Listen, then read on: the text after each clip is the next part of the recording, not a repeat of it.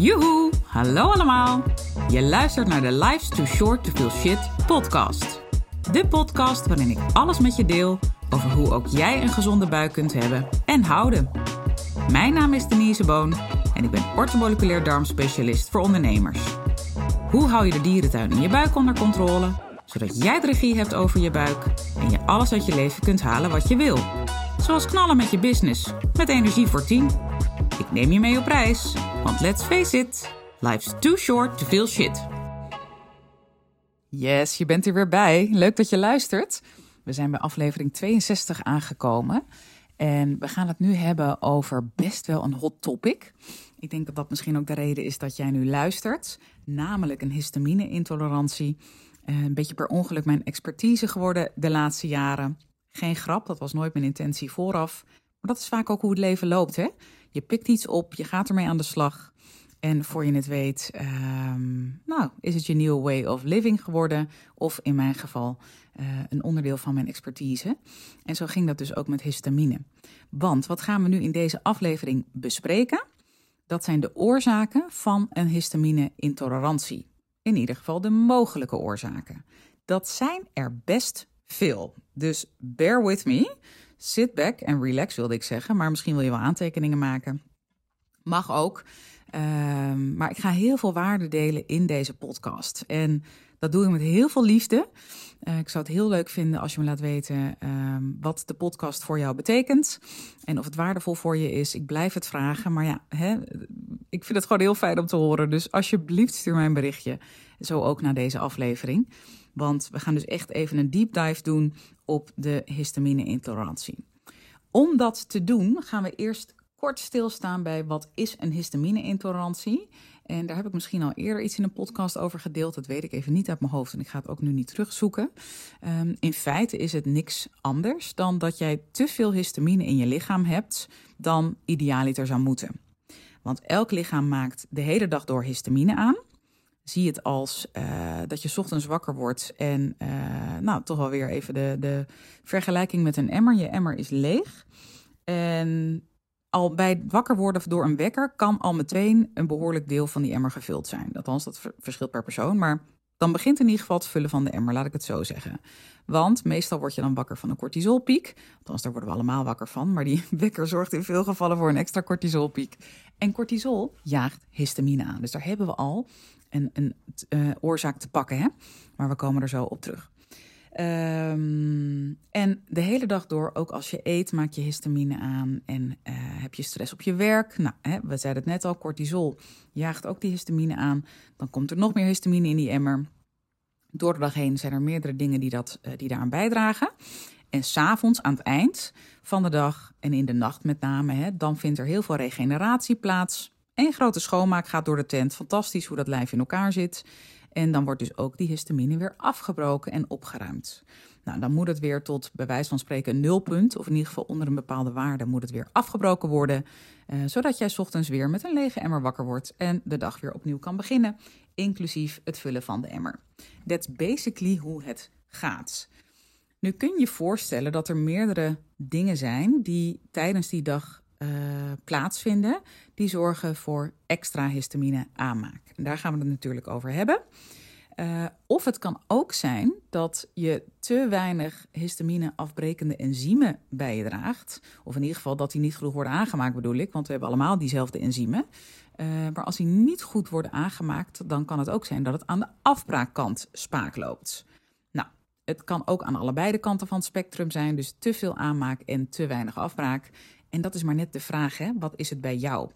Dus mijn eerste advies aan je is: als jij twijfelt of jij een histamine-intolerantie op dit moment hebt, breng het in kaart. Schakel daarvoor een deskundige in die echt met gedegen laboratoriumonderzoek werkt. Niet alleen histamine vormende bacteriën bijvoorbeeld in kaart brengt, maar ook echt de histamine zelf meet. Dat doet een goede therapeut op twee manieren: met uh, ontlasting en met urineonderzoek. God, dat geef ik nu al veel waarde weg. Nou, cadeau. Uh, interpretatie is ook heel belangrijk, want dat wordt ook regelmatig verkeerd geïnterpreteerd. Dus zorg echt dat je een goede te pakken hebt, met wie je ook een klik hebt, hè, heel belangrijk. Uh, en ga vervolgens kijken, als die waarde te hoog is, um, wat ligt daar aan ten grondslag? Wat zorgt dus voor die stijging in jouw histamine level? Ik deel dus een paar veel voorkomende oorzaken met je. Daar gaan we. Even weer uit de blote kop. Allereerst, als de dierentuin in jouw buik is ontploft, daar gaan we weer, jawel, dan gaat jouw lichaam ook meer histamine aanmaken. Hoeveel histamine, dat verschilt per persoon, dus per lichaam, maar ook per beest. En hoeveel van die beesten hè, uh, hebben weten los te breken uit die dierentuin en compleet op hol geslagen zijn. Dus dat is heel, ook dat is weer heel verschillend per persoon. En ook hoe lang loop je al rond met die dierentuin en hoe groot is die explosie. Hè? Dus dat hangt van heel veel factoren af. Maar per definitie, als die dierentuin is ontploft, denk aan te veel gisten, schimmels of parasieten. Parasieten zijn ook heel histaminevormend. Um, maar ook ziekmakende bacteriën die kunnen dat ook doen. Anyway, eigenlijk alle beesten. Dan uh, is dat een hele belangrijke oorzaak waar je ook wat aan kunt doen. En dat is een hele belangrijke, want niet aan alle oorzaken van een histamine-intolerantie kun jij ook echt wat doen om dat te verbeteren, maar veel wel. En dit is er zo één die je zeker uh, kunt wegnemen. Is niet altijd makkelijk hoor, uh, maar er zijn zeker heel veel mogelijkheden om dat wel te doen. En ook heel veel mensen in de praktijk die dat met succes ook weten te bereiken. Dus een hele belangrijke. Dan als tweede, als jij een vitamine D tekort hebt, dan uh, kan jouw histamine daardoor ook gaan stijgen.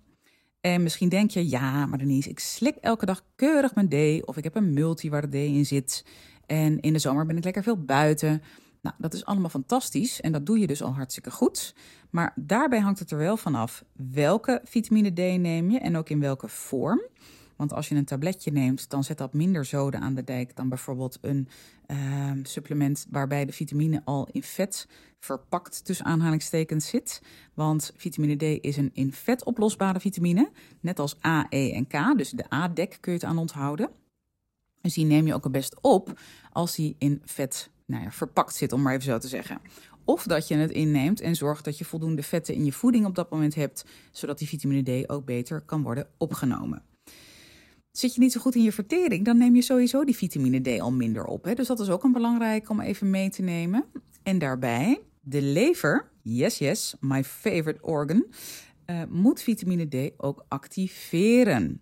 Dus zo zie je al dat er al best wel wat haken en ogen kunnen zitten aan of die vitamine D wel goed wordt opgenomen. En dus of jouw lichaam voldoende van die vitamine D heeft eh, om niet die histamine te doen stijgen. Hele belangrijke. Um, dus vitamine D tekort is een belangrijke tweede.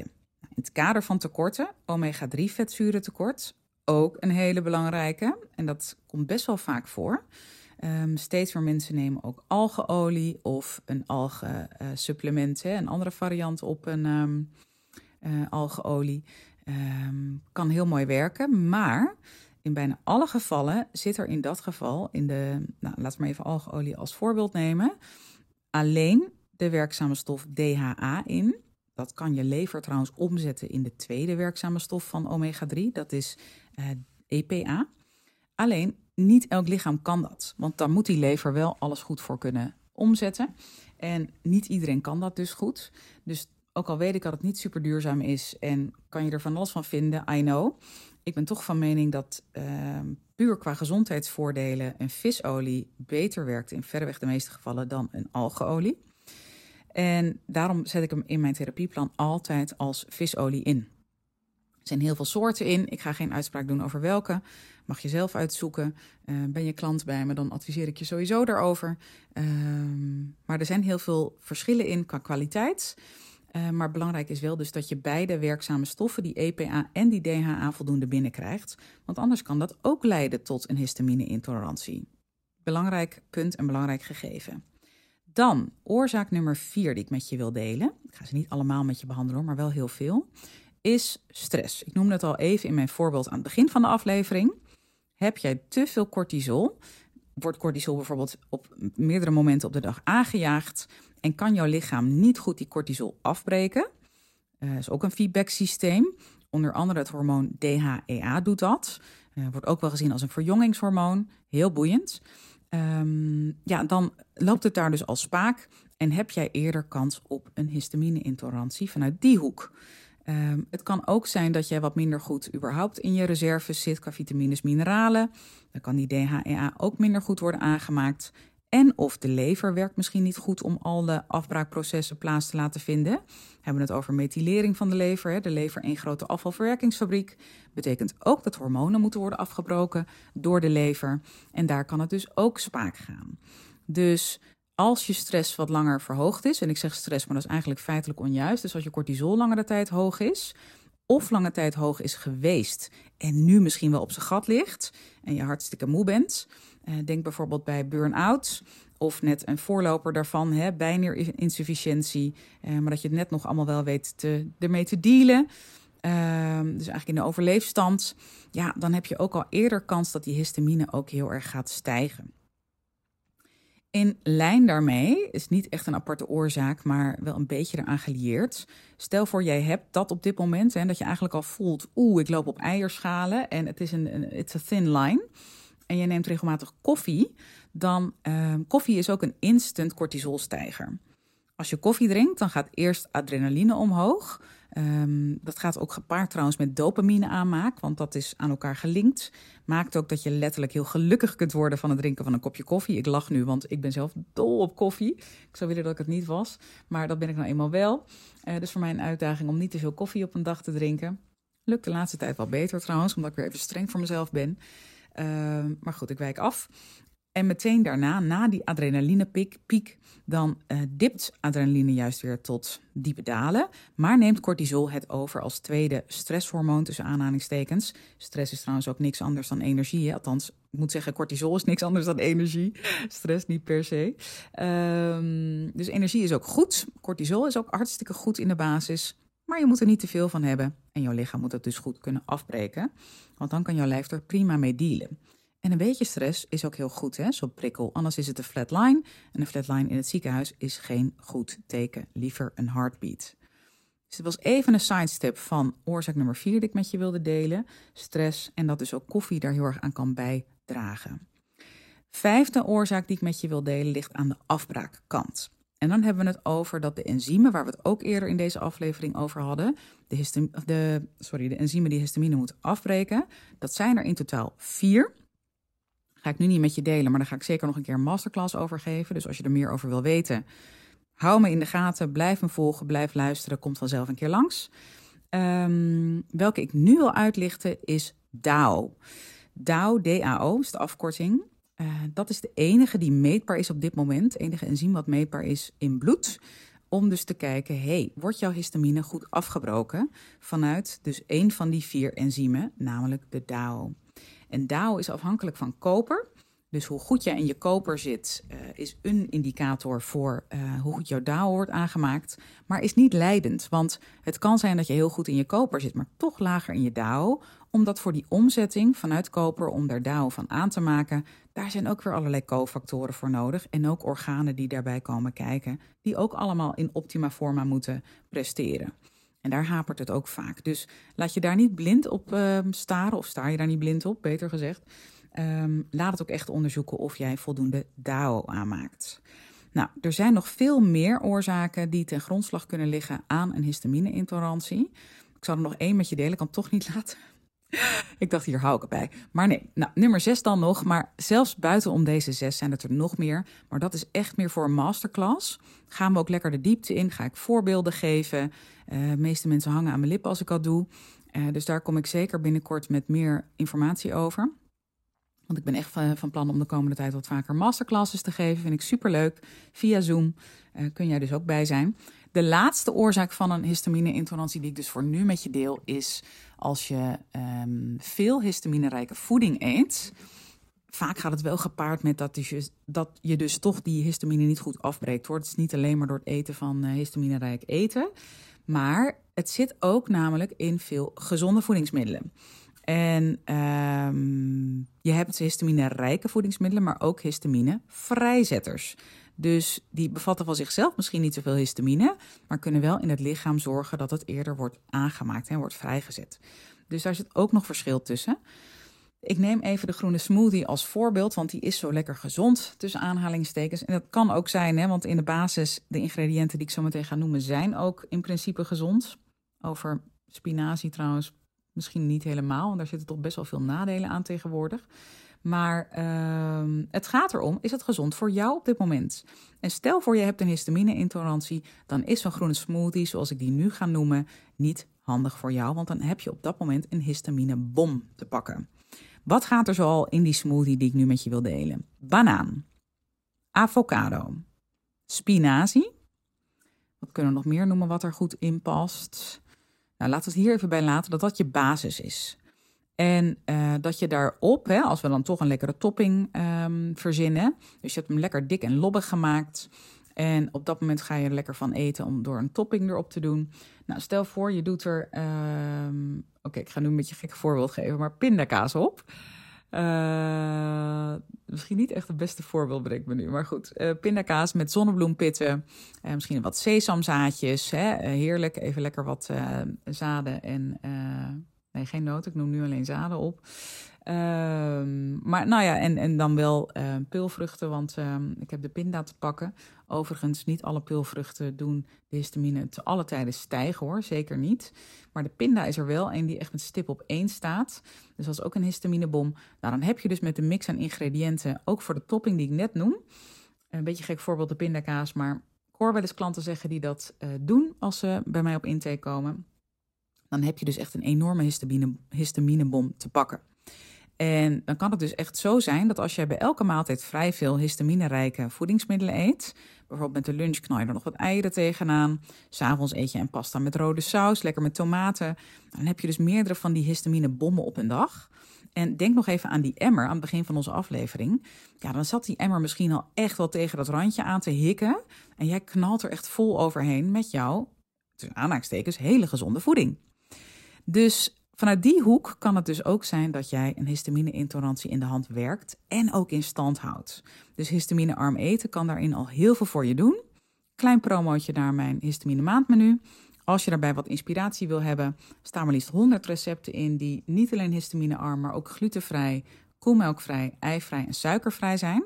Dus laag in allergenen. Gaan bij heel veel mensen heel goed die recepten. Ook als je buikpijn hebt bijvoorbeeld. Hè. Ik hoor vaak mensen ook die zeggen, hé, hey, mijn buikpijn wordt minder. Kan dat? Zeker. Uh, buikpijn kan trouwens ook vanuit een histamine-intolerantie komen. Dus het zijn niet alleen de usual suspects, zoals hartkloppingen, hè, die heel aan...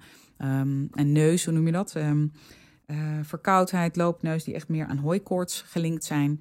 Ook andere dingen, zoals een opgeblazen buik. Um, wat zeiden we net? Buikpijn. Meer die hoek. Dus dat kan ook. En ook jeuk aan de huid kan ook histamine zijn. Nou, ik zal je er niet verder mee vermoeien. Je hoort het al, het kan alle kanten op gaan. Dit zijn wel zes veel voorkomende oorzaken van een histamine-intolerantie. Um, die misschien wel even food for thought voor je zijn. En vooral die hopelijk je aanzetten om de histaminewaarde te laten onderzoeken bij dus echt, nou ja, een gedegen therapeut die met gedegen onderzoek werkt. Um, en ook echt die onderliggende oorzaken. Want als je alleen je blind staat op die histamine en die koetkekoet probeert te verlagen, maar je weet niet wat er aan ten grondslag ligt, ja, dan ben je echt aan het, uh, wat zeg ik nou wel eens, uh, zaaien of hoe noem je dat, oogsten? Nee, zaaien op bevelde grond. Ja, daar kan je uiteindelijk niet van oogsten. In ieder geval, wat er dan op komt uh, zetten, daar word ik niet blij van. Ik moet er niet aan denken. En dat is ook vaak waarom mensen zeggen, hey, het ging tijdelijk goed. En zodra ik weer de teugels wat liet vieren, kwam het weer terug. Hoe dan? En hoe frustrerend? Ja, je hebt die angel niet te pakken en, en je hebt die angel er dus ook niet uit kunnen halen. En het lukt de ene keer beter dan de andere keer, hè? Want ik heb allergie nog niet genoemd, kan ook ten grondslag liggen aan een histamine-intolerantie. Ja, allergie is niet per se omkeerbaar, zeker niet. Vaak wel goed mee te dealen en kun je wel ook met interventies uh, qua voeding en qua intoleranties, wil ik zeggen. qua supplementen wilde ik zeggen. Uh, qua supplementen heel erg meer modulerend werken. Dus dat, het wat, hè, dat je wat minder last hebt van je allergische klachten. Maar uh, wegnemen, dat lukt niet. Uh, intolerantie kan dus wel, hè, die is wel omkeerbaar, maar allergie niet. Maar die andere oorzaken die ik net noemde, ja, heel veel is dus echt een mouw aan te passen. Dus neem dat ook mee in je achterhoofd.